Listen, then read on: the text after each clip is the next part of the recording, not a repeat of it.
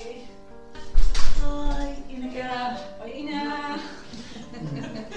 En Marga. Ben Oh ja, Ik heb een bloemetje meegenomen uit het veld en wat vergeet me nietjes uit de tuin. Dat leek me wel toepasselijk. Hoi mama, met Anke. Hoi mama. Hoi mama. Hoi mama. Hoi mama, met Anke. Dit is een podcast voor en over Anke.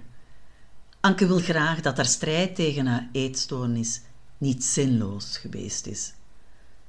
Anke wil met haar verhaal verschil kunnen maken, ook al is dat maar voor één iemand. Ik ben Marga, de moeder van Anke. En ik ben Ina, de tante van Anke. Hey Ineke, Ja, ik kom vertellen over eh, mijn nichtje, Anke. Ik ben de zus van haar vader. En ik weet nog heel goed dat Marga eh, mij opbelde dat ze zwanger was van Anke. Ik weet nog precies waar ik zat. Oh ja. En hoe blij Marga was. waar zat je toen? Ik zat op de trap bij me woonde toen in Lunette. Ik zat op de, bovenaan de trap te bellen met Marga. En zij vertelde heel blij dat ze zwanger was van, zou later blijken, Anke. Dat moment en de blijdschap van Marga dat Anke zo gewenst was, dat is zo'n momentje dat ik niet zo gauw vergeet. Ja, dat was bijzonder. Ja. Ze werd geboren en het was eigenlijk gelijk al een klein eh, eigenwijs meisje was het. Ik herinner me dat we naar, eh, toen was ze natuurlijk al wat groter, naar de dierentuin gingen, ik geloof in Blijdorp. Het was tijd dat ze naar de wc eh, moest. En ze moest ook heel nodig plassen, maar ze wilde niet naar de wc. Ze wilde niet naar de wc en ik begreep niet waarom. Dus ik werd zelfs een beetje boos op haar van ja, je moet nou toch echt plassen. Maar ze ging niet plassen, dus we zijn weggegaan. En uiteindelijk kwam het verhaal dat ze kort daarvoor waren wezen eten ergens. En dat er een wc-bril was die begon te draaien. En dat ze daar zo van geschrokken was. Dat mevrouw wou echt niet plassen. Nog, ik denk nog eerder logeerde ze bij ons. Ook weer in lunetten. Bedje in de studeerkamer neergezet. Anker erin. Anker ging niet liggen. Huilen. Wilde niet slapen. Wilde niet liggen. En ik begreep natuurlijk alweer niet wat ze nou bedoelde. Tot later morgen mij vertelde dat ik de staartjes uit haar haar had moeten halen. Logisch natuurlijk, want dan kon ze er liggen. Zo zijn de beginjaren van, van Anke geweest. Ik, Want Ineke, jij hebt zelf kinderen? nee, toen nog niet. Nee, toen nog niet. De kinderen van, Mar- van Marga waren de eerste kinderen die ik van heel dichtbij zag. Dus dat Oké. was heel, heel bijzonder. Dat was al heel bijzonder met Maarten toen die kwam. Ja, en met, met Anke ook. Al wist ik toen nog niet dat dat lijntje al zo, er al zo zat. Ja. En dan, daarna heb jij ook twee kinderen gekregen. Daarna hebben wij ook twee kinderen gekregen. Ja, Dan was jij de logeertante. Zij kwam dan bij jou logeren. Ja, ja gelukkig wel. Ja, ja betrokken Ja. bij het gezin, betrokken Ja. bij jullie alle vier Ja, wel ja, eigenlijk, mag ik wel zeggen. Ja. De speciale band die je eigenlijk al had toen je eigenlijk het meisje pas ontmoette. Toen Anke toen met de lange haren zag. Ja, ja, dus, ja die, die band is gebleven. Al was het, eh, ja, misschien was dat... Maar Anke was wel altijd een meisje, eh, er was zeker een band. Maar je moest er wel voor werken. In de zin van, het, was niet automatisch goed als je kwam. Ja, het was wel goed als je kwam, maar het was niet automatisch open. Er moest altijd eerst... Dat deurtje stond altijd eerst een beetje op de kier en er moest dan aan gewerkt worden en dan ging die ook altijd open. En de laatste jaren was hij ook wel gewoon open. Dus dat was anders dan met haar, eh, met haar broer eigenlijk. Vanaf het moment dat zij ziek werd, werd toen die band anders. Heb je gemerkt dat dat anders was voor jou? De eerste jaren niet. En de, de laatste jaren wel. Ja. Want de eerste jaren, ja, ik kan me, dat is een beetje misschien raar, maar ik kan me eigenlijk niet zo herinneren. Logeerde ze dan nog wel eens bij jullie? Of? Toen was ze natuurlijk al wat groter. Toen, Ja, was toen, ja. toen de tijd in Amerika logeerden jullie wel eens met z'n allen bij ons. En jullie zaten ook wel in een huisje dat wij naar jullie kwamen. Maar ik kan me nog wel een keer herinneren dat, eh, dat, eh, jullie als ouders naar Duitsland gingen Ja. of zo. En dat ze toen een wees tijdje bij ons eh, gelogeerd heeft. Dat was heel bijzonder. Omdat Anke eigenlijk niks wist. Ik ben natuurlijk de zus van haar vader. En zij wist eigenlijk niks uit het gezin van ons vroeger. Omdat ze eh, haar vader het niet spontaan vertelde en zij het ook niet gevraagd heeft. Dus er kwamen allemaal verhalen. We hebben er eindeloos over gesproken, over hoe, hoe het dan was. En wat dat... Stelde zij jou vragen over hoe het met jou ging vroeger en, en jouw gezin vroeger? Hoe het bij jou thuis was? Ja, ik weet Waar niet- jij vandaan kwam? Ja, ik weet niet meer of, of, het nou, of ze het vroeg, of dat we het vertelden, of dat het, maar, de- maar er gingen heel veel gesprekken gingen daarover. En zij wist het ook niet, dus dat nodigde ook uit om te vertellen naar iedereen. En ik weet niet meer precies wie het dan initieerde, maar het was wel een gesprek, was het zeker. Ik kan ja. me best wel voorstellen dat Anke die vragen stelde. Ja. Want ze stelt altijd de, de Ja. vragen. Ja, en het- ik kan me herinneren dat we dan eh, samen gingen skaten. Dat deed zij graag en ik ook. Dus dan gingen we naar plekjes in Nieuwegein en dan skaten we een stuk en zo. Dat was al wel in de tijd dat ze ziek was, hè? Ja, Toen. was, ze- was, Ja. ja. toen was ze Ja. ziek. Ja, Ja. ja. Ik, weet, ik weet niet meer, ik denk dat ze rond de... Ik weet echt ik ook dat ze eh, rond de 14, 15, Ja. 15 misschien geweest. En ik kan me ook wel herinneren toen ze in Smilde zat. Ja. Dat ik ook wel eens naar de toe geweest ben in een weekend. Dat we dan samen een, een eentje, ja, dat is wel grappig, een reden, een stukje auto ergens naartoe en dan een kopje thee drinken of zo. Dat ik dan heel graag wilde dat ze die, die natuur zag, hoe mooi het was. En, hè, om maar, dat is misschien wel een beetje de draad van ons verhaal. Dat je zo graag wilde dat ze zag hoe mooi het leven was, dat er leuke dingen waren. En dat, dat ik dan thuis kwam en dacht van, oh, maar ze ziet gelukkig de vogels en ze ziet wat de natuur doet en ze ziet het allemaal nog. Ik wil eens eventjes terug naar voor Amerika. Over voor Amerika, dan denk ik ook bijvoorbeeld aan die keer dat ze kwam logeren en het was Koninginnedag. Het was heel mooi weer. Maarten was er ook bij haar broer. We gingen naar de Vrijmarkt toe en we hadden ze alle twee, ze waren klein want Anke zat nog voorop op de fiets in het kinderzitje. En eh, we hadden ze alle twee eh, een zakcentje gegeven, zodat ze wat, eh, wat konden kopen daar. We gingen gesminkt er naartoe, dus wij allemaal een vlaggetje op onze wang. Maar Anke, nee, Anke wilde geen vlaggetje op haar wang. Dus nou, wij een vlaggetje, een Maarten vlaggetje. En ja hoor, daar kwam ze. Anke wilde ook een vlaggetje. Dus met de twee vlaggetjes op haar wangen zat ze voor op de fiets en reden wij zo naar de Vrijmarkt. En het was gewoon zo'n moment wat je dan nog weet. Het was gewoon zo leuk. Anke had bijzonder veel talenten. En één daarvan was verhaal. Verhaal Ja, maken. Schrijven, ver- verbaal was ze natuurlijk enorm sterk. Ook in woordskeus en dat soort dingen. Schrijven. Ja, wat, wat ik aan talent zag toen ze klein was. Ja, weet je, ik denk dat ik zelf ook niet zo keek. Het was gewoon gezellig. Het was leuk. Het was leuk om er om je heen te hebben. Ja. Deed zij dingetjes voor jou of ging zij jou imiteren of ging zij, eh, of was, was zij heel een authentiek kind? Ja, het was een authentiek kind. Dat is, dat is ook het stukje waarbij je moest winnen. Dat deurtje stond op een kier en dat deurtje dat moest open en dan kwam ze. En dan was het gewoon goed en gezellig. Deed ze dan dingen of zag ik dan speciale talenten? Ja, dat weet ik eigenlijk niet. Deden jullie meisjesdingen met elkaar? Nee. Speelden zij met poppen? Had zij haar knuffel bij? Ja, Saar. Ja, Saar was er natuurlijk altijd.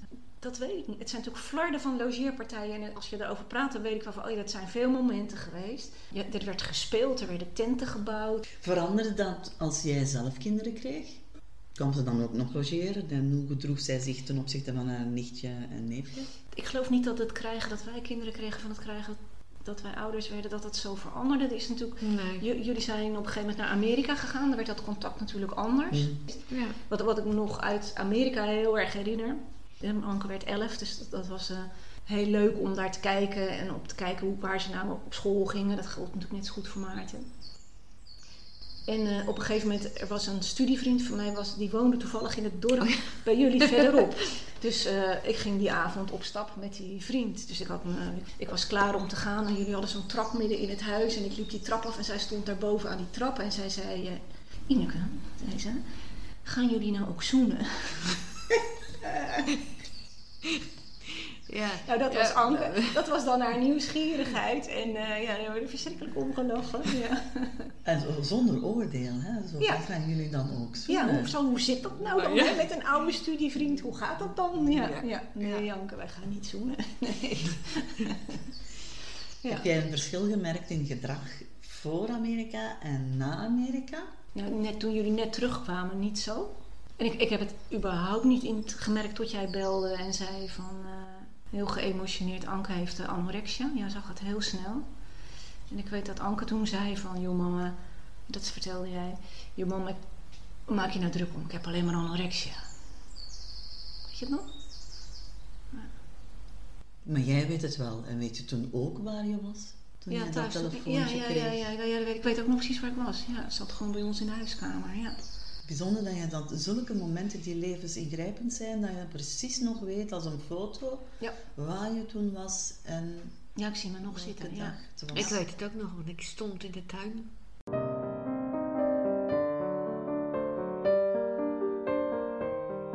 Vanuit mijn beroep als fysiotherapeut eh, kende ik het ziektebeeld.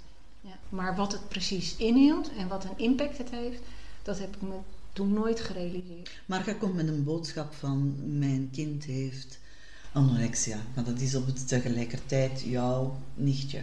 En Marga is, was ondertussen ook jouw beste vriendin. Ja. Wat gebeurt er dan met je? Nou, dat is eigenlijk heel rationeel. Dan ga je dingen opzoeken en dingen bespreken. Mijn, mijn man is arts. En dan, eh, dan hoor je van, oh ja, anorexia, gemiddeld 7 jaar. Nou, ze is nu 14. Nou, dan eh, zal het dan ongeveer wel over zijn. Dus je gaat het, je gaat het kaderen. Ja, het slaat helemaal nergens op. Maar je gaat het toch op een manier kaderen. Van, oh ja, het mag nog even duren, want... Het duurt bijna altijd even. Ja. Zoek je Ja. dan ook naar waardoor komt dit dan? Hoe wordt anorexia veroorzaakt? Het is een stoornis, het is een eetstoornis. om- Nou, ik weet dat ze dat in het begin zeker niet gedaan hebben. Want Anke die ging echt, die was vreselijk aan het overgeven. Die ging heel hard achteruit. Dat we alleen maar konden denken van hoe, hoe kunnen we er, hoe kunnen we er hier bij ons houden.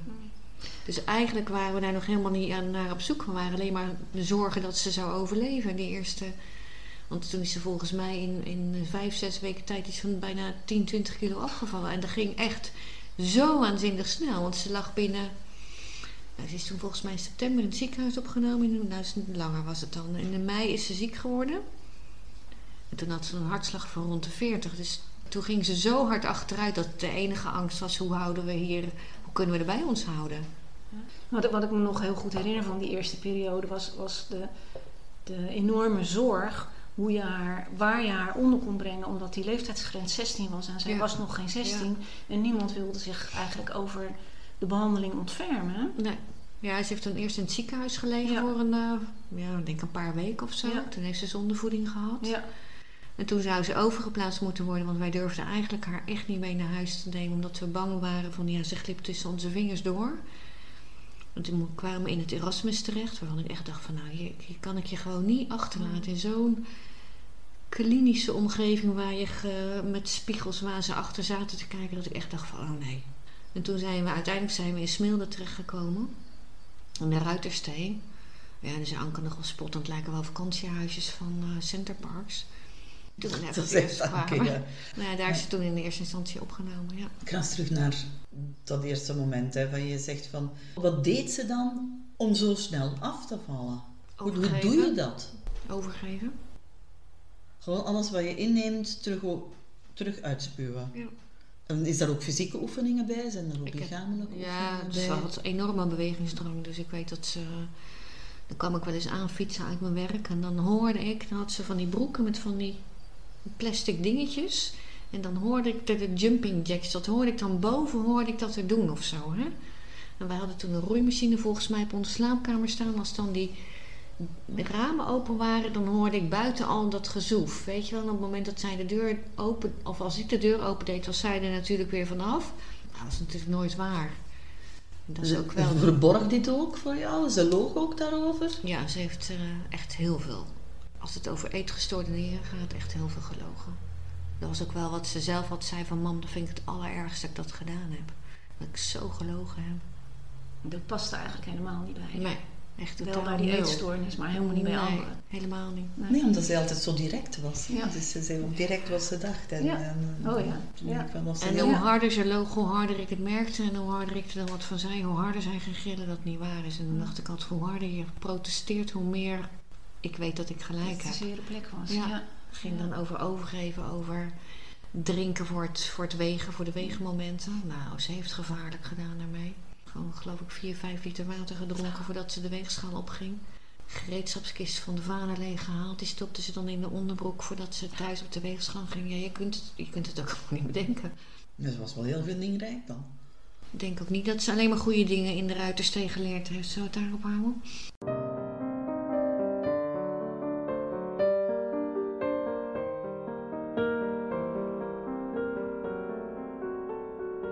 Maar jij bent tante en vriendin.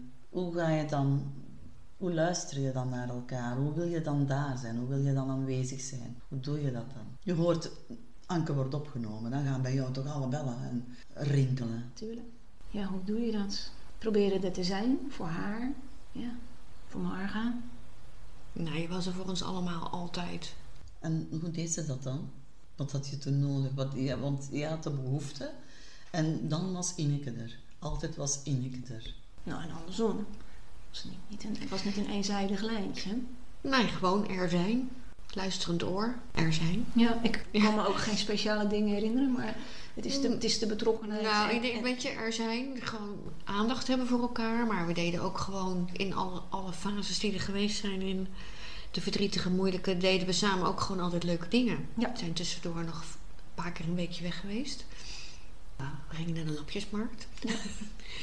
gewoon rare dingen. Je was een ontspanningspunt dan. Dus Ook. Ineke was een ontspanningspunt voor jou.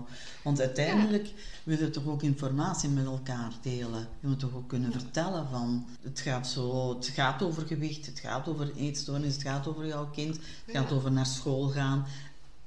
Elke ouder is bezig met van... Hoe groeit ze op? En hoe gaat ze naar school? En hoe gaat het verder lopen? Hoe gaat de toekomst eruit zien? Hoe is het nu? En dat wil je toch helemaal delen met iemand. Ja, dat deden we denk ik ook Ja, wel. dat denk ik ook. Ja. Ja. Inderdaad, hoe, hoe het met haar was, maar ook, ook hoe het was in de groep, hoe het in Amerika was voor haar. En hoe Ja. het met ik weet nog dat Amerika moeilijk voor haar was, omdat toen Anke wegging had ze natuurlijk haar boezemvriendinnetje met, met wie ze alles deed. Ik kan me nog herinneren dat jij jurkjes maakte, dezelfde jurkjes Ja, voor ja. ze. En dat het zo, zo hechte vriendschap was dat. Maar in Amerika was dat thuisspelen zoals wij dat gewend waren. Als ik het goed zeg, hè? Wat niet. En dat was gewoon moeilijk voor haar. Gewoon op straat spelen je vriendjes en vriendinnetjes ontmoeten. Ja. Dan, dan deed ik daar... Nee, alles was anders. Ja. En dat was dus ook echt zo. Alles was anders. En toen we terugkwamen was weer alles anders. Ja. En dat hebben we ook wel in die periode ge- gedeeld. Ja, en gewoon de middelbare school. En, en, en later de universiteit, ja. En Het zijn ook allemaal hele...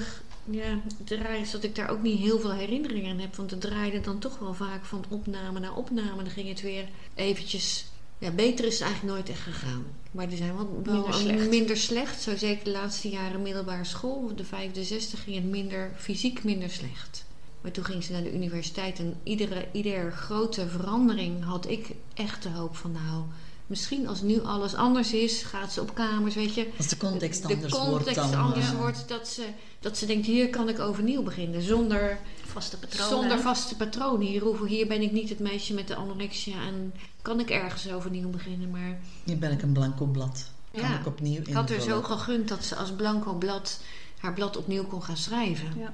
En dat deed ze in haar dagboeken ook. Telkens als er een nieuwe periode aanbrak, begon ze een nieuw dagboek. En telkens met de wens van nu gaat, Nu het, gaat het anders. Ja, en ga ik het en anders doen. Ga Daar was ze ook echt van overtuigd. Daar heb ik nooit aan getwijfeld dat ze dat ook echt hoopte dat dat er zou lukken. Ja. Want ik weet nog die laatste keer dat ze in, eh, dat ze in de Ursula in Leiden. Ze belde en zei: eh, ik, ga, ik ga doen, ik ga eten, ik ga eten, ik ga doen. Wat denk jij, Ineke? Denk je dat, dat het nog kan of denk je dat het te laat is? Nee, oké, ik denk dat het nog kan. Ga het maar doen. Begin maar, ga maar doen. Wat was jouw rol al die tijd buiten de eetstoornis? Voor Anke. Eh, ja, ja, dat zou ze natuurlijk eigenlijk zelf moeten beantwoorden. Maar ik denk, ik hoop, dat ik een stukje... Ik zag haar heel regelmatig. Wat bedoel je met heel regelmatig? In de twee weken? Eén keer in de week. Ja, Ja. niet elke week. Niet elke week. Ook pas één keer in de twee weken. En zeker op het laatst ben je heel veel bij haar geweest. Maar mijn insteek was om haar even uit, uit dat anorecte stuk te krijgen. En even haar lekker fanatiek aan het rummikuppen te zien. Want ze wou natuurlijk wel altijd winnen van haar tante. Dan zag je een meisje weer tegenover je zitten die gewoon bezig was met dat spel. En ik dacht, zolang ze bezig is met dat spel, staat dat hoofd misschien even stil. En hoe mooi is dat dan? Dat heb ik geprobeerd. Ja, dat is ook gelukt, want ze beschrijft dat ook in die dagboekjes. Hè? Ja. Van Ineke die kwam en dat was fijn. Of toen, nou, we hebben een spelletje gedaan.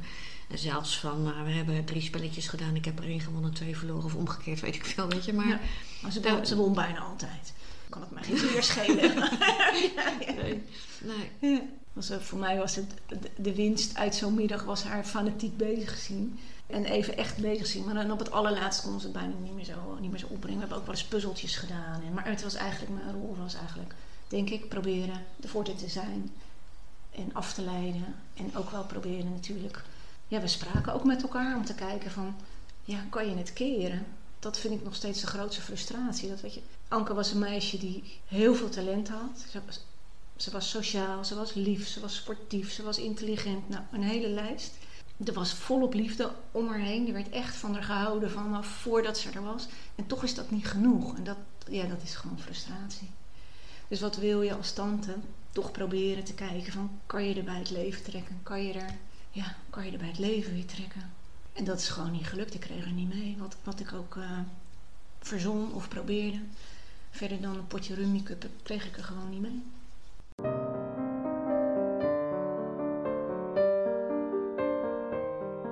En dat schrijft ze ook in haar, in haar dagboekjes. Ik kom binnen als een egel. Als een egeltje kom ik binnen met al mijn stekels wijd open. En ik ben tenminste toch buiten gegaan met mijn stekels een beetje terug. Ja, dat was in Portugal. Ingetrokken, hè? in was- Portugal. ja.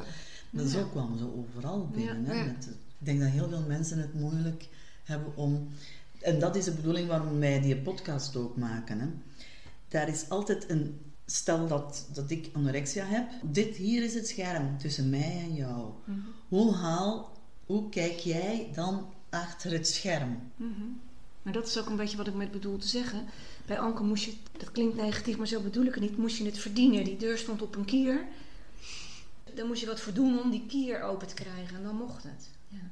Je moest jou eerst moest je haar vertrouwen echt Ja. blindelings haar vertrouwen krijgen. Ja. Om, eh, Dat denk ik wel dat het zo werkte. Denk jij niet? Ja, Anke had absoluut niet snel vertrouwen in iemand. Ja. Volledig. Op een gegeven moment zat ze in Leiden en had ze... Of ECT of ketamine. Of, ECT. of in de deurnaam. Nee, ze had. EC ze had ECT had ze gehad. Ik was er op donderdag en ik zag ineens een ander meisje. Die eetstoornis stond inderdaad ineens weg. En wij, eh, wij gingen de stad in. Dat deden we eigenlijk altijd als ik in Leiden op bezoek kwam in het ziekenhuis. Dan gingen we weg, want dat was ook wat ze graag wilden, dus dat deden we ook. En ineens was Anke daar weer. En we liepen samen, we liepen samen door die winkelstraat en we maakten grapjes. En ik wilde nog graag een cadeautje scoren voor een vriendin. En we gingen samen zoeken. En er werden natuurlijk allerlei funzige grappen waar ze goed in was. En het was zo'n gezellige middag. Dat ik dacht, hé, hey, ik heb mijn nichtje terug. En vol hoop reed ik naar huis.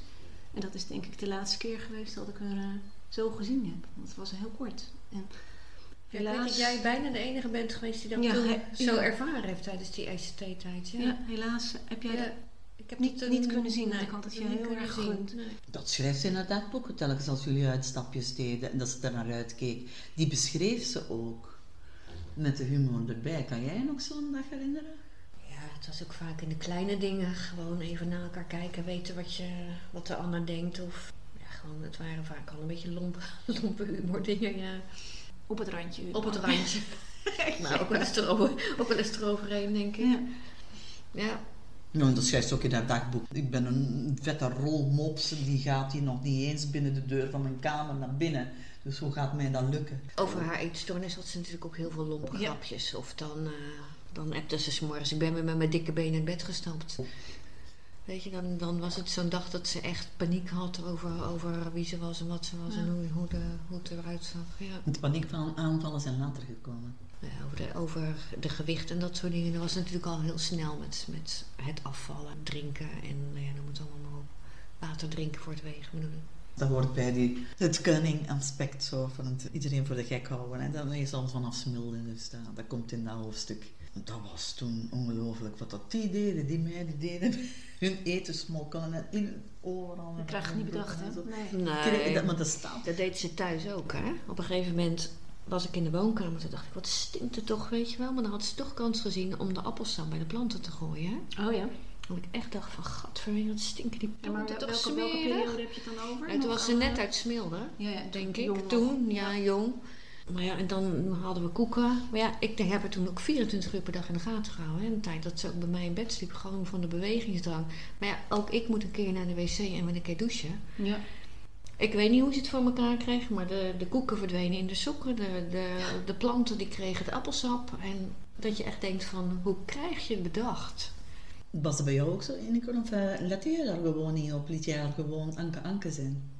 Nou, als ik terugdenk aan die laatste jaren, heb ik haar nooit wat zien eten. Heb ik haar hooguit een kopje thee zien drinken en later werd dat alleen nog maar warm water. Dus dat werd, dat werd steeds minder. En in die tijd daarvoor, als ze dan logeerde, ook de keer dat jullie naar Ja. Duitsland waren, was er iets van dat ze elke avond een krakeling of een muffin of een, weet ik veel wat moest eten. En dat deed, dat deed ze dan ook gewoon, maar als zij uit mijn zicht was. Weet ik niet wat ze deed. Dat controleerde Ja, dat weet ik dus niet. Nee. Maar ik controleer dat ook. je merkt je weet. Ja. Je merkt het, je weet dat het Ja. gebeurt. Ik, ik heb het niet gemerkt, laat ik het zo zeggen. Anke was heel erg aanwezig altijd. Ze zei niet veel, ze zat daar ergens en zij keek en zij nam waar. Ja. En als ze dan een opmerking maakte, dan was hij ook altijd meteen raak. Ja. Kan jij daar zo'n voorbeeld van opnoemen?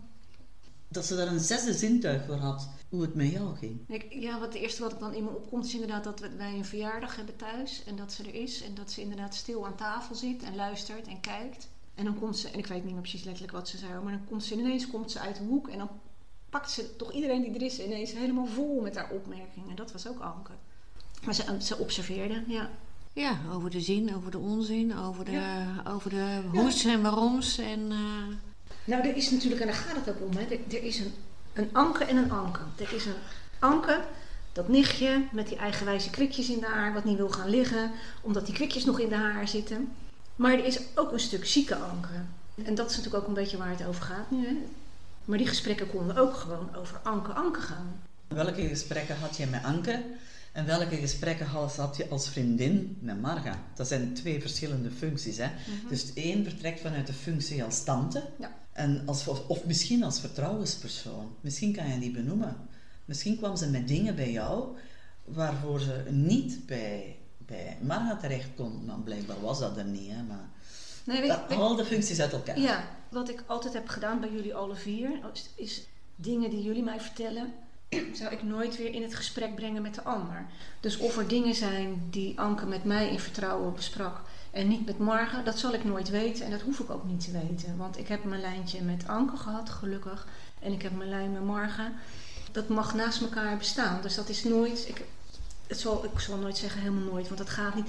Maar ik heb wel geprobeerd dat, dat apart te houden. Zoals ik ook het lijntje met haar vader altijd apart heb proberen te houden. Omdat ik denk, eh, je kan pas reageren, dat vind ik, op dingen die je zelf zijn verteld. Dus je moet er niet tussen gaan eh, rommelen dat.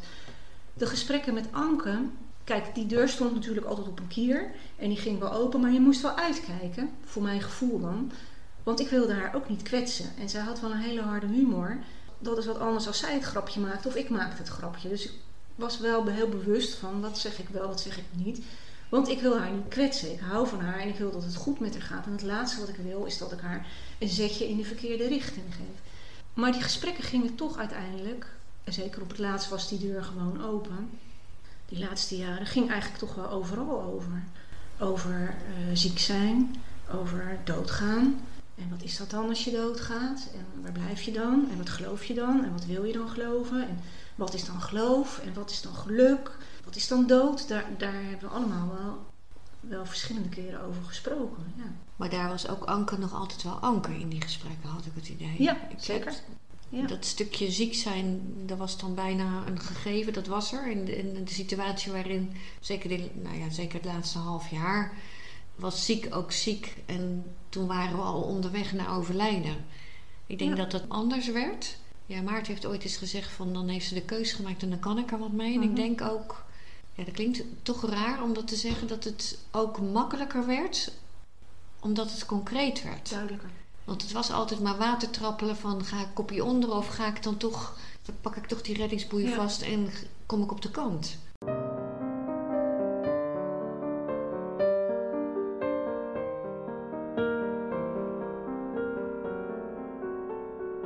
Maar nu komt dat moment, ja, als tante, Ineke, Mhm. dat Anke het woord euthanasie of dood ehm, Mhm. in de mond neemt. Tot dan heb je hoop of blijf je dan nog altijd hoop hebben of Mhm. wat gebeurt er dan? Ik weet niet meer precies welke jaren we hebben, maar op een gegeven moment was er een stukje Portugal-traject waarin ik gevraagd was om, eh, om mee te lopen. Toen kwamen we bij Simone, bij haar therapeut. En die zei hetzelfde als wat jij nu zei, hè? van Anke gaat dit traject nog doen en zegt als, Dat is de als, derde keer volgens mij. Ja. Ja. als dat niet lukt, dan wil ik euthanasie. Toen zei ze, wist je dat? Ja, dat wist ik, want daar hadden we toch wel over gesproken. Weet je wat het is? Je, het, is het is niet ineens patsboom. Hè? Het, is, het, het gaat heel geleidelijk en je ziet hoe ziek ze is. En je ziet, ja, waar, gaat het naartoe, waar gaat het niet naartoe? Dus op een gegeven moment, ja, schrok ik ervan? Nee, ik schrok er niet van. Ben je er verdrietig van? Ja, natuurlijk ben je er verdrietig van. Ja, was het een verrassing? Nee, maak natuurlijk bij jezelf heel veel los. Het is ten eerste je nichtje waar je heel veel om geeft. En ten tweede komen er natuurlijk ook voor jezelf vragen over de psychiatrie, over het leven, over het recht van euthanasie, over ja. Dacht je ook bij Anke dat voor haar euthanasie de enige oplossing was, omdat voor haar dat ondraaglijk, dat ze echt zo haar eigenschap, dapperheid, moedig zijn, doorgaan met gebarsten benen, met, met gebroken heupen, met uh, alles, alles waar dat ze fysiek pijn van had, maar werkelijk pijn van had, dat dat dan eindelijk voor haar stopte. Ja, maar er zit een hele periode tussen. Want op het moment dat zij over euthanasie begon. Was de eerste keer was het in 2018, hè? Ja, ja. Maar, maar het, wat jij nu beschrijft met haar pijnlijke benen, zo, dat waren en die gebroken heup. Dat was september, hè? dus dat waren echt de laatste maanden. Maar er zit natuurlijk ook nog een stuk voor. En ik heb eigenlijk, ja, ik heb eigenlijk altijd hoop gehouden, misschien wel tegen beter weten in. En zoals ze zelf zei, ik weet, ik weet het wel, ik moet het gewoon, ik doe, ik moet het gewoon met mes en vork doen. Dat is natuurlijk een typische Anke-uitspraak. Hè? Van, hoe moet dat dan? Ja, met mes en vork. En dan, ik heb altijd gehoopt dat ze die knop om kon krijgen om, om te gaan eten. En pas in, in die allerlaatste fase ja, gebeurden er steeds dingen dat je dan langzaam ook denkt van jeetje meisje, wat moet er allemaal nog gebeuren voordat je rust krijgt? Daar groei je dan Ja, daar groei je ook naartoe. Ja. In die, zeker in die laatste weken kon ik er bijna naar verlangen. Dat, dat ze niet meer verder hoefde te lijden. Ja. Nou, jouw kind die moest afzien.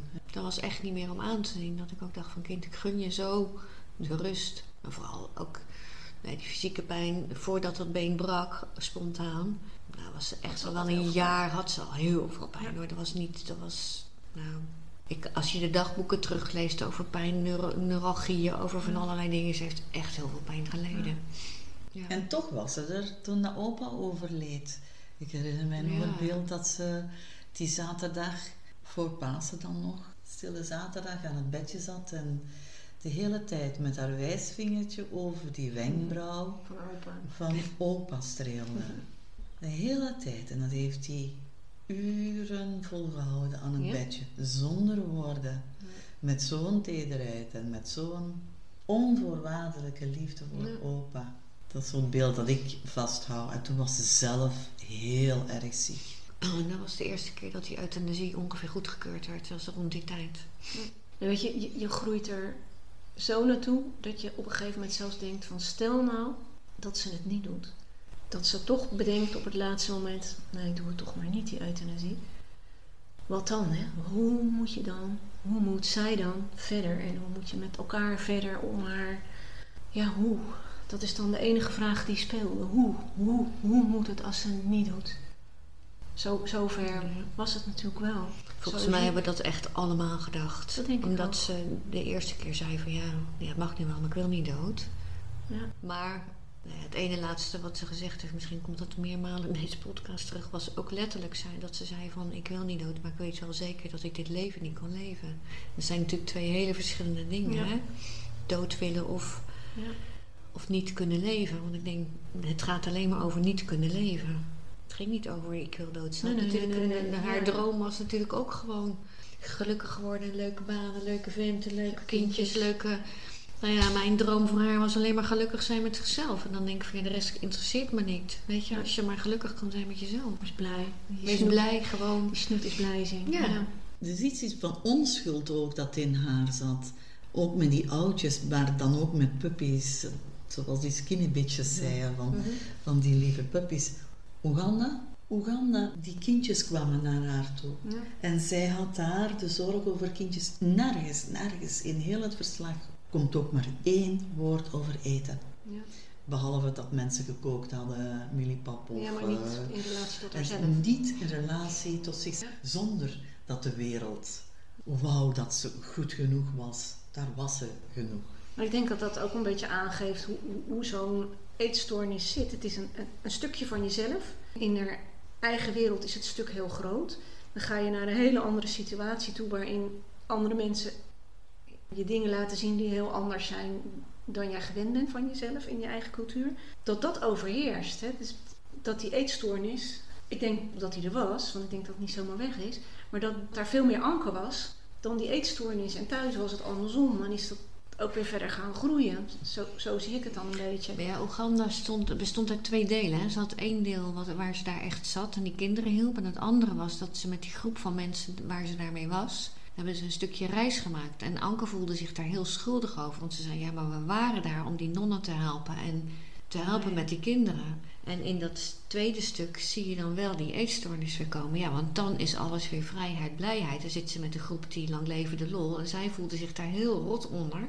Omdat ze eigenlijk zei van ja, maar we zijn daar gekomen om, om die mensen te helpen. Dat is, ook weer dat is ook ook echt Anke, dat zegt iets over Anke. Ja, Ja. ja.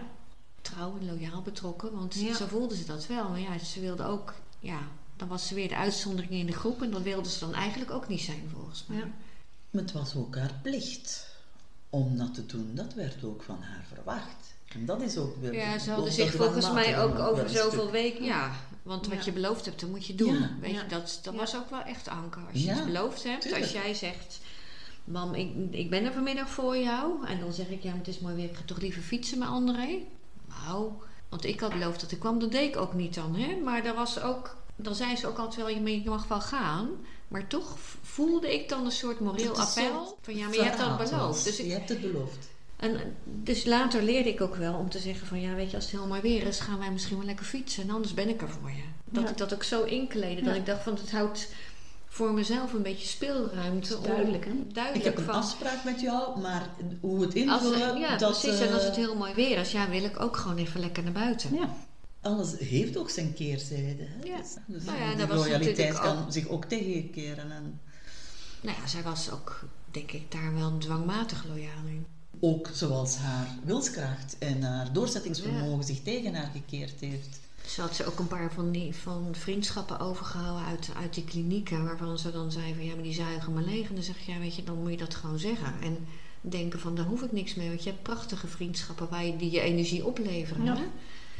Ja, maar, want ik vind het zo zielig voor ze. Ja.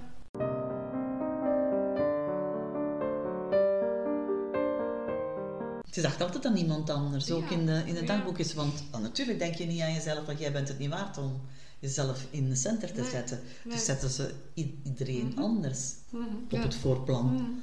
Er er is nog wel één voorbeeld wat ik dan graag nog wil noemen over dat ze het zichzelf niet waard vond. We gingen soms dan een dagje op stap samen, dus we zouden naar eh, Amsterdam, naar de negen straatjes. Dat hebben we ook gedaan en dat was ook heel leuk. En het was de ere van haar verjaardag, dus ik dacht, als we nou iets leuks zien, een paar leuke oorbelletjes of zo, dan koop ik ze lekker voor. Dus eh nou, winkeltje in, winkeltje uit, allemaal leuk. Dus toen kwamen we thuis bij jou.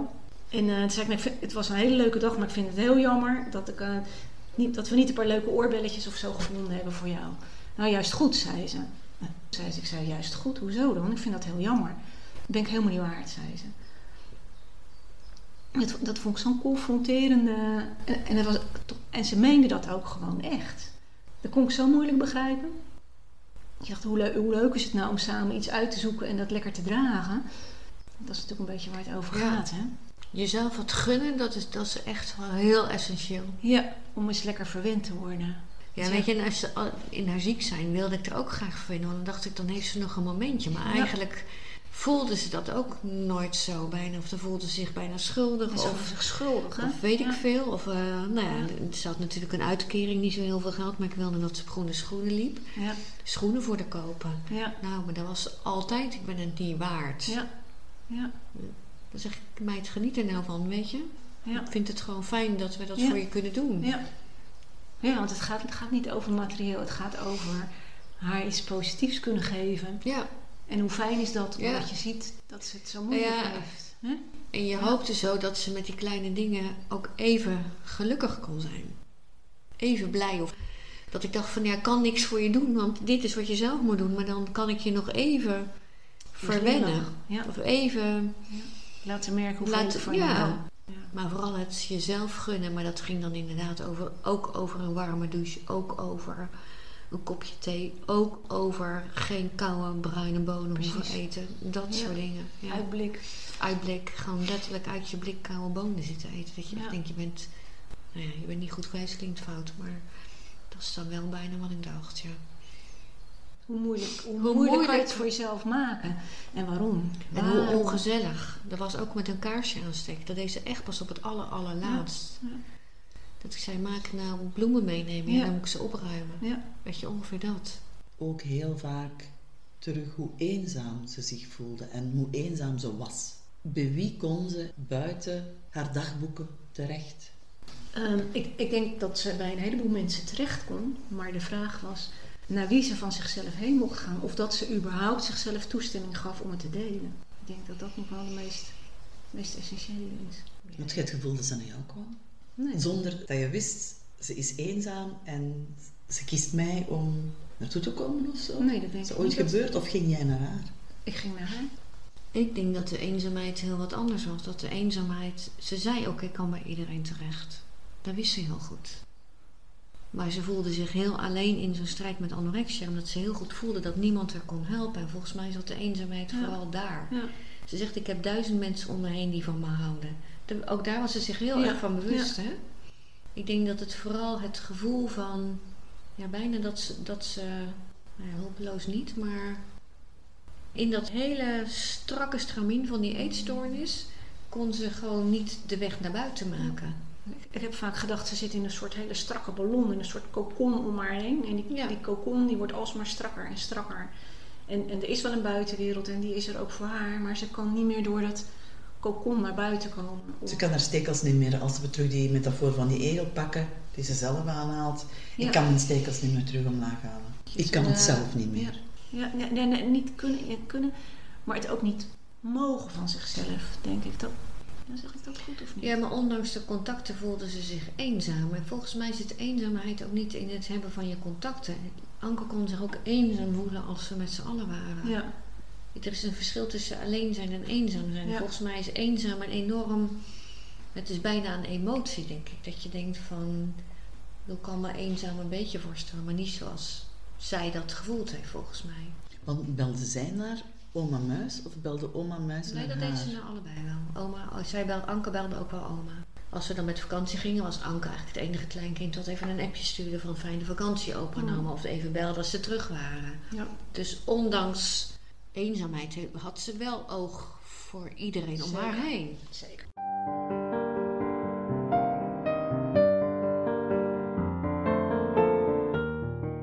Ja, en zij was ook altijd de eerste die appte met een felicitatie, een vraag van hoe was het, hoe is het gegaan, dat. Maar jij vraagt van kwam het van jou of kwam het van haar, maar dat kwam heel erg van haar, dus dat doe ik haar tekort aan. Altijd de eerste appjes waren altijd van Anke. Maar dan ging het niet over haar, het ging over jou. Ja, Ja, maar precies. Dus ze wou altijd weten hoe is het met jou. Ja. En zij wou jou feliciteren met jouw verjaardag. Of als, Ja, als uh, Marloes haar eh, Ja. eindexamen gehaald had. Ja. Of eh, Ja. als iemand anders Ja. jarig was. ja. Zo, ik kan daar geen antwoord op geven. Nee. Want ik heb Anke niet willen missen. Ondanks het verdriet wat ik nu heb, zou ik ervoor geen goud hebben willen missen. Maar zij heeft misschien nog meer betekend als dat je verdriet het nu is. Ja, maar zij heeft mij ook een heleboel levenslessen geleerd. Weet je, als we het hebben over zingeving, Ja, dan durf ik te beweren dat Anke degene is die me het meest geleerd heeft bijna. Omdat ik gezien heb dat, het, dat ik het echt anders wil. ja, Ja, weet je, en dat is echt heel oprecht. Dan denk ik van, ja. daar kan geen therapeut tegenop. Ik weet dat haar, haar opa, dat is dan mijn vader, Anke de opa, die was altijd eh, weg van het cocktailtrio vroeger. En die hadden een liedje, ik weet niet of jij dat nog weet. Dat was zeg maar ja tegen het leven, zeg Oh maar ja, ja, ja, tegen ja, het ja, leven, ja. anders zegt het leventje nog nee. Hè? En ik heb zo vaak, als ik terugreed van Anke, nou, zo vaak toch ook gewoon heel verdrietig, dat dat dan door mijn hoofd heen speelde. Dat ik dacht, meisje, zeg nou ja, zeg nou ja, want straks is die tijd voorbij. Heb je dat nu nog? Wanneer denk jij aan Anke? Vaak, geregeld, heel vaak. Ik denk sowieso elke ochtend aan haar als ik een gangetje omdoe. En elke avond als ik het afdoe. Maar ook vaak, eh, ja, vaak tussendoor. En vaak, of vaak, regelmatig is er dan toch het waarom. En waarom hebben we het niet, niet kunnen keren met z'n allen. En waarom was alle liefde niet genoeg. En waarom frustratie. En ja tegen het leven? Ja, dat gaat nog wel eens door mijn hoofd. Ja. Dat is misschien ook wel een beetje wat Marga zegt. Iets wat je dan meeneemt als je geen ja zegt tegen het leven. Dus als je het niet helemaal pakt en omarmt. Ja, dan, dan mis je ook een heel groot stuk. Dat is wel wat ik daar ook wel van... Waar, was, eh, waar viel het bij jou het meeste op bij Anke zo? Waarin zij voor mij het verschil maakte. Ja, Ja, dat is, dan komt er gelijk toch weer die scheiding tussen het zieke gedeelte en het, en het gewone gedeelte. Anke ja, was natuurlijk gewoon mijn nichtje, mijn lievelingsnichtje. En die eh, dat was gewoon een positieve noot in je leven. En het verschil dat ze, dat ze ziek was en zelf die positiviteit niet kon pakken, heeft mij heel erg, ja, heeft zeker wel wat gedaan. In mijn werk als fysiotherapeut heb ik natuurlijk ook te maken gehad met patiënten met de psychiatrie. En ik kon daar eh, heel narrig van worden en heel eh, denken van Jezus, schop je kont, kom op hè. En dat beeld heeft zij mij heel erg laten veranderen. Dat het, dat het niet is dat mensen niet willen, maar dat het is dat mensen niet kunnen op dat moment. Dat ze het wel heel graag die stappen willen maken, maar dat het gewoon om een of andere reden niet kan. En dat heeft voor mij, privé, maar zeker ook zakelijk op mijn werk, eh, toch een hele andere benadering van patiënten vanuit de psychiatrie en vanuit psychische problemen gegeven. Je gaat nu Veel- anders kijken naar Veel, genu- mensen. veel genuanceerder. Ja. Veel genuanceerder. En ook niet meteen oordelen. Nou ja, je, dat is altijd lastig, niet oordelen. Maar dat probeer je wel. Je probeert wel te kijken van... hé, hey, dat kan wel eens veel genuanceerder liggen. En dat is, dat is natuurlijk mooi als je genuanceerder kan gaan denken. Dus daar heeft zij zeker eh, een verschil Ik gemaakt. vond dat ze daar zelf ook wel een voorbeeld in was in haar observaties. Hè? Mhm. Dat kon ze ook. Ze kon het vreselijk veroordelend zijn, maar ze kon heel goed droog observeren. Wat gebeurt er nou echt? Ja. Wat gebeurt hier nou aan tafel? En dat was gisteren natuurlijk ook dat ik denk van nou daarboven zit ze wel ergens en ze kijkt nog even mee Even van de regie. even, wat gebeurt hier nou ook echt? niet laten om er even bij te zijn natuurlijk. Nee, maar weet je dan, daar was ze natuurlijk wel kampioen in, denk ik. Zo kon ze over mijn leven, ondanks het feit dat we natuurlijk toch ook wel gewoon ges- niet gezond symbiotisch geweest zijn, had zij wel heel duidelijk beeld over waar het in mijn leven verkeerd ging en waar het niet verkeerd ging. Dat was soms ook heel vervelend, want daarmee is ook wel een stukje zo'n rolpatroonverwisseling geweest, maar ook in, in de relaties dat ze precies kon zeggen waar, waar de pijnpunten lagen. Ja. Dat ze dingen wist voordat ik ze wist, zeg maar. Ook in relatie tot je huwelijk, zeg maar. Ja. Voor mij was het het groot zijn in die hele kleine dingen. Mhm. Op eh, 27 juli 2010 schrijft ze: Als ik stop, man, het is weer vroeg en wat zal de dag nog lang gaan duren, zeg. Misschien moet ik de dag met een andere instelling beginnen. Dus opnieuw. Ha, fijn, een nieuwe dag. dit is heel erg anker dit. Het regent niet. Oh, ja. Ik probeer mijn branderige slaapogen maar even te negeren. Vannacht weer flink liggen malen over van alles. Ik word er toch zo moe van. Ik baal dat ik vannacht niet op tijd mijn halve liter water heb kunnen drinken. Ik zou willen dat ik deze tik niet zou hebben. Als ik slaap, dan ben ik bang dat mijn darmen niet meer goed zullen functioneren en dat ik dan hard ga aankomen. Donderdag heb ik voor het eerst een afspraak met die sociotherapeut. Het voelt alsof ik nu hard moet gaan afvallen om serieus genomen te worden. Ben bang dat ze denken dat ik maar op moet rotten met mijn dikke zeekoeienlichaam. Goed, ik ga douchen. Hopelijk wordt vandaag een positieve dag.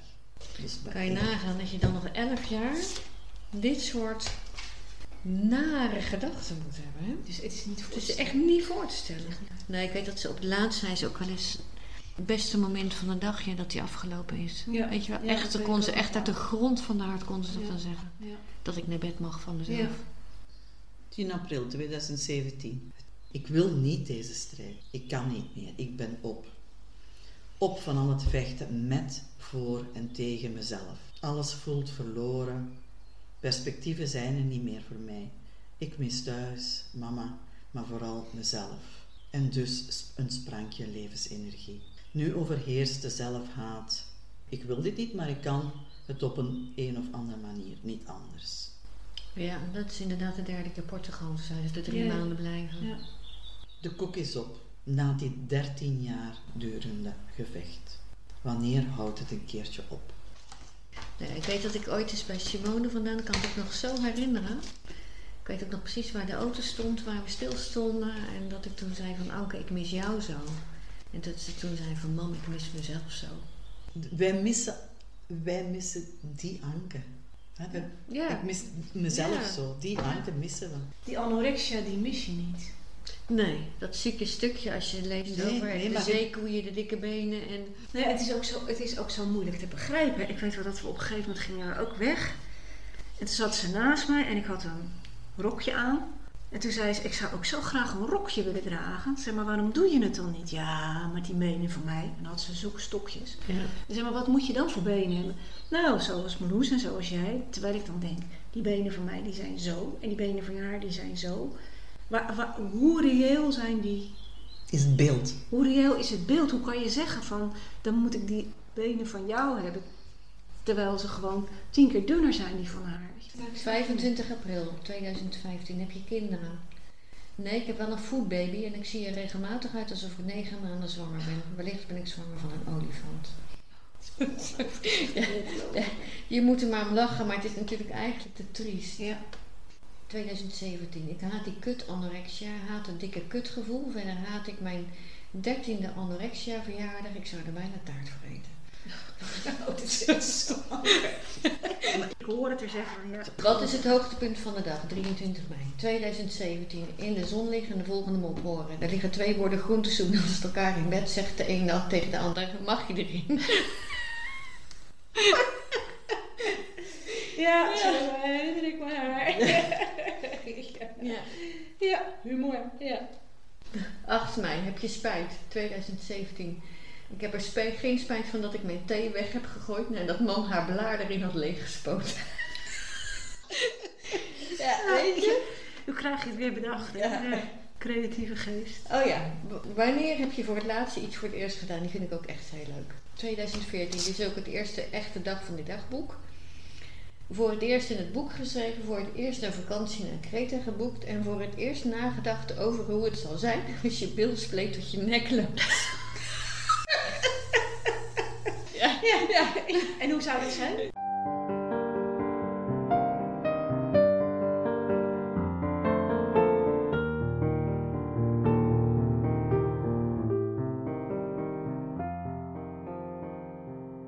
We zijn nu terug in Reewijk. En hier heeft Anke zelf gekozen om afscheid te nemen van de mensen die belangrijk waren in haar leven. Die zijn ook allemaal één voor één naar hier gekomen. Jij bent ook naar hier gekomen. Ja, maar niet om afscheid te nemen. Ik moet even terugdenken. Ik weet het niet. Ik, ik was daar, Marga was er ook. Marga was er veel. En ik ben daar geweest om een spelletje te rummikuppen. Om even te breken. En ook even dat Marga even weg kon toen. Ja. Dus toen is Marga weggegaan. En toen ben ik bij Anke gebleven en hebben we zitten rummikuppen. Zo. En hebben we zitten praten aan tafel. Met de handen vast. Over als het er niet meer zou zijn. Ja. En toen eh, hebben we gezegd dat er altijd een band was. En dat er een lijntje was. En dat lijntje dat zou, eh, dat zou blijven. Ongeacht waar ze was. En zo voelt het ook nog steeds. Er is een lijntje. En ze is er. En soms dan eh, zit ze in mijn lijf. En dan weet ik het zelf nog niet. Maar dan voel ik me zo onrustig en verdrietig. En dan weet ik, als het bewust wordt, oh ja. En zo gaat dat met eh, vlagen, zoals dat gaat met verdriet. Dus we hebben geen afscheid genomen, we hebben later afscheid genomen. Ik weet niet meer precies hoeveel later. Dat was twee weken voordat ze stierf, dat weet Ja. ik wel. Dus Ook toen kwam jij inderdaad met je gezin. En dat het toen ook wel heel duidelijk, om, omdat je heel veel bij haar was, van wil je later nog een keer. Maar dat we het ook een beetje bij Anke gelaten, maar die was, ja, dat klinkt best een beetje raar, ook heel erg moe van al het afscheid nemen. Ja, En dat Ja. was natuurlijk ook zo. En het advies vanuit het expertisecentrum euthanasie was ook echt van rust. rust. Hou die laatste week echt gewoon rust, want het is gewoon heel veel wat, Ja. er, wat er Ja. met je gebeurt, gaat gebeuren. En dat, dat, dat wist ik ook. En toen eh Wico en Marloes waren er en ik was er ook. En toen, ja, toen dacht ik, weet je, ja, misschien moeten we nu afscheid nemen. En misschien er daar ook in overrompeld. Misschien was dat niet goed. Hmm. Maar toen hebben we bij haar thuis afscheid genomen. Toen heb ik haar die laatste twee weken niet meer gezien. Ja, misschien had dat anders gemoeten. Dat, daar ben ik nog steeds niet uit. Nee, maar ik heb het er met Anke nog wel over gehad hoor. Was ze teleurgesteld? ze- Nee, nee, nee, helemaal niet. Nee, nee. Het was veel meer van. Nee, ik heb afscheid genomen en het was goed, anders moet ik. Het doet de pijn om het nog een keer te moeten doen. Ja, Zo voelde ze dat ook echt. maar zo, maar zo was het ook. Zo van, dat, Ja. als we het nu doen, Waarom dan, net- hoef je er niet meer tegenaan te kijken. Dat, Nee. dat, dat was het. Want de angst voor de euthanasie of voor het overlijden was ook... Ja, ik weet wel dat ze ook de eerste keer zei van... Mama, dan moet ik afscheid nemen van jou. En dat kan ik niet. Ja. En zo moest ze natuurlijk van heel veel mensen afscheid Ja. nemen. En jij was Ja. wel een van degenen bij wie ze dat het moeilijkst vond. Dus ik denk ook Dat dat, ze dat, dat ze die pijn gewoon niet nog een keer wilde. Ja. Dan stonden we daar toch gelijk in. Dat, Ja. dat was ook in wezen niet te opzetten om toen afscheid te nemen. Maar eigenlijk, ontstond het ook een beetje spontaan. Zo van, ja, dan hoef je het niet nog een keer. Dan hoef je er niet naar uit te kijken dat je, nu neem je afscheid, ik ga weg, kom ik nog een keer. En dan moet je alsnog afscheid nemen. Ja, snap Ja. wat ik bedoel? Wat mij opvalt, is dat jij net hetzelfde zegt als iedereen tot nog toe. Ik ben bang dat ik niet genoeg geweest ben voor Anke. Dat heeft iedereen tot nu toe al gezegd. Ja. Dat is grappig, hè? Dat Ja. de vraag omgedraaid is. Ja. Dat heb jij zojuist gezegd. Ja. Was het wel goed Was het wel goed? voor haar? Ja. Ben ik wel genoeg geweest voor haar? Ja, maar dat, dat komt denk ik ook omdat je... Je kan het niet meer vragen, je kan het niet meer doen. Je kan niet meer zeggen van, goh, heb ik, heb ik dat wel goed gedaan? Hadden we het anders moeten doen? Maar ja, in dit geval was wel het lijntje van, als je het wil, zeg het. Want dan was ik in de auto gestapt en gegaan. Ja, nee, maar dat, was, ook, dat was ook heel duidelijk. En nou, dat wist Anke ook hoor, maar die, die vond het echt te pijnlijk. Het was ook heel pijnlijk. Ja. Ja. Iedereen heeft volgens mij te maken met de machteloosheid. Zelfs een Simone vroeg op de uitvaart, morgen hadden wij meer kunnen doen. Ja. En dan zeg ik, ik zou niet weten wat. Ja. Weet je, volgens mij hebben jullie alles wat binnen jullie vermogen lag gedaan. En ja, als moeder zijnde vragen me nog steeds dagelijks af, had ik, had ik dit of had ik dat? Maar het gaat niet helpen. Want ik heb gedaan wat ik doen dacht. Met je, alles wat je Alles in je wat had ik in en me nog had, heb ik 100% gegeven. erbij. Ja. Ja. En achteraf eh, zeggen ze dan zo lomp, kan je koe in zijn kont kijken? Maar ik zou nog niet eens weten hoe dat eruit ziet dan. Nee. nee. Zo simpel is het dan ook, ja. Ja, dat vind ik ook wel mooi om af te sluiten. Dan moet wel. Ik, maar ik zie je ook zitten met die handjes. Zo van. Dus dat is iets als ze weinig, dat, ze, dat liet ze niet toe. Hè. Niemand daar Knuffelen. handjes Nee, vast, hè. nee, nee, Dus, nee. maar dat ze dat bij jou Ja. gedaan heeft, dat, Ja. dat, vind ik wel heel, Zo heel, was ook een heel mooi bijzonder. moment. Ja. Dat vind ik heel bijzonder. Die handjes vast, ja. Nou ja, weet je, we hebben veel gedeeld. En laatst zei ik ook van... Dankjewel dat ik zo dichtbij je mocht komen. Dat is toch het verhaal van die deur die open ging. Nou, dankjewel dat je er was. Ja, mooier kan je het niet afronden, toch? In de vierde aflevering van onze Anke-podcast is Maarten onze gast. Maarten is de zoon van Marga en dus de broer van Anke.